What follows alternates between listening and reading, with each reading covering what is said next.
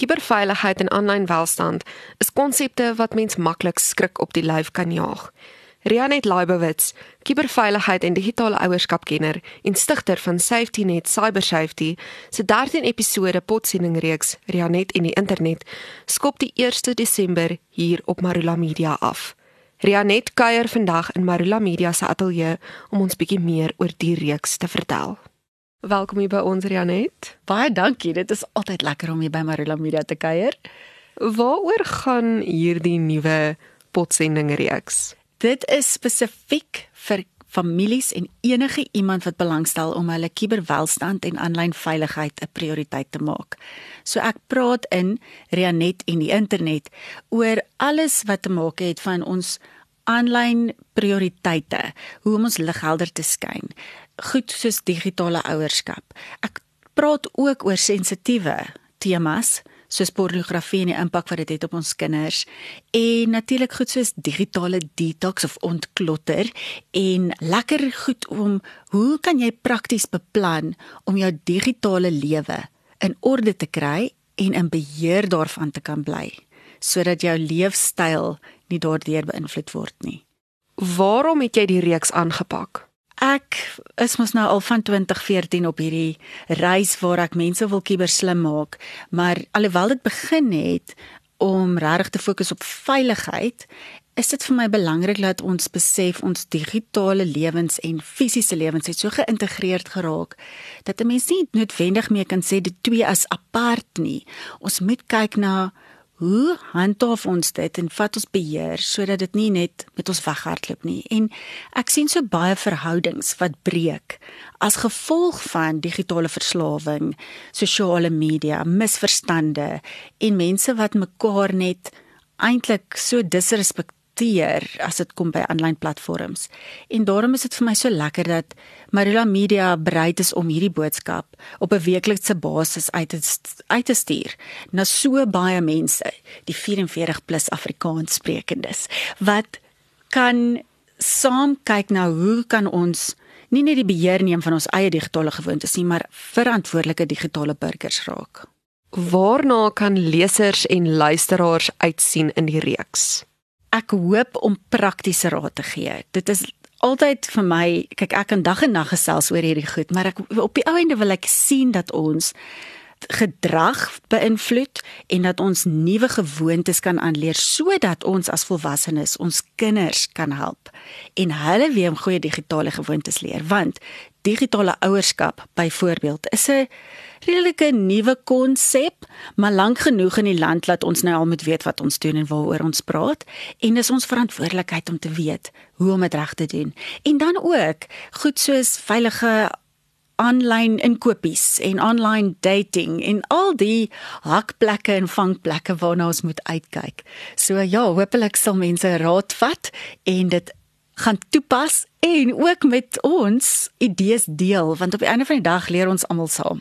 Kom ons gesels 'n bietjie oor jou. Waarom lê kiberwelstand en aanlyn veiligheid jou so na aan die hart? My reis het begin in 2014 toe ek gehoor het van die skokkende statistieke van jong mense wat selfmoord pleeg as gevolg van kiberboelery. En ek het op daardie stadium baie min geweet daarvan. Inteendeel, ek het gedink dit is nou regtig vir my eintlik snaaks dat iemand hulle waarde kan meet aan wat ander mense van hulle sê aanlyn. Dit was vir my 'n moeilike konsep om te verstaan dat dit so erge impak het en dis toe waar ek begin navorsing doen het en na die World IT Conference toe gegaan het in Mexico en regtig dieper begin delf het in om te sien wie se rolspelers en watse ander gevare buite kiberboelery is daar waarna ons moet omsien. En toe het ek gesien dat daar twee probleme. In die eerste plek en daar op daardie stadium was daar baie min bewusmaking oor dit en tweedens daar was nêrens om heen te gaan as jy in die moeilikheid is nie. En dis hoe safety net cyber safety toegestig is. Want ek het gesien ons het regtig 'n plek, 'n safety net nodig, 'n vangnet vir as jy gekiberboelie word of jy al hierdie verskillende goed wat gebeur op internet wat so skrikwekkend en skokkend is, moet jy na 'n plek toe kan gaan. So dis waar dit begin het vir my en soos wat ons groei en tegnologie verander en ons leefstyl verander, het ek besef maar ons kan nie net meer praat oor veiligheid en dit verpak in 'n boksie nie.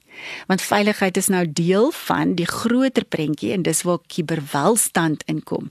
Nou in Engels noem ek dit cyber wellness en snaaks genoeg interessant hoe ons paadjies loop van begin 2020 te dink ek by myself ek praat nou al baie lank oor kiberveiligheid en ek het 'n boek geskryf en omdat ek mense help deur safety net soos die mense wat regtig of dit nou 'n skoolhoof is of 'n pa of wat se seun 'n foto geneem het en gestuur het en nou ransom gehou word wat ook al die geval kon ek deur daai leer of daai leerskool gaan om 'n boek te skryf.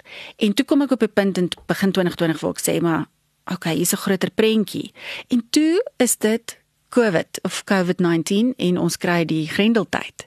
Wat toe nou vir my baie en dit mos nou niks so toevallig nie wat vir my nou interessant was want toe word ons almal geforseer om ewe skielik tegnologie op ander maniere te gebruik. En ek is nogal jammer om te sê maar baie van daai nuwe gewoontes wat ons in 2020 aangeleer het het ons nie weer afgeleer nie. Van dit is goed Luister, ek is baie dankbaar dat mense gesien het dit kan werk om aanlyn inkopies te doen en ons kan jy weet aanlyn ontmoet. Ons hoef nie na mekaar toe te ry nie. Maar aan die ander kant goed soos byvoorbeeld om 24 ure 'n dag beskikbaar te moet wees vir jou werk, want mense wil nog steeds na ure ontmoet of vinnig vir jou WhatsApp stuur of net hê jy moet vinnig hierdie e-pos beantwoord. Daai tipe goeders bekommer my. En so dit is nou die in 'n netedop my reis, maar ook as 'n ma van 'n tiener.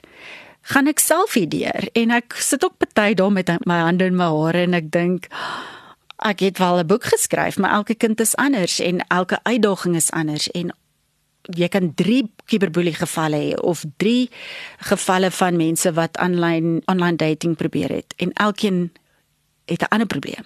So dit is vir my baie baie belangrik om mense te kan help en laat mense onthou daar's altyd altyd hoop. En ek hoop net mense en veral ouers herinner hulle kinders dat wanneer daar 'n geval is vir 'n kind veral voel dit vir hulle of hulle wêreld in mekaar val. En dit doen want hulle digitale wêreld is deel van hulle identiteit. So as um, ons vir hulle kan herinner en enigiemand wat deur 'n moeilike tyd gaan, dat vir nou voel dit of jou wêreld in mekaar sak of daai kriminele saak wat nou aan die gang is of iemand nou jou identiteit gesteel het of wat ook al dit is, maar dit gaan weer beter raak. Daar is altyd hoop.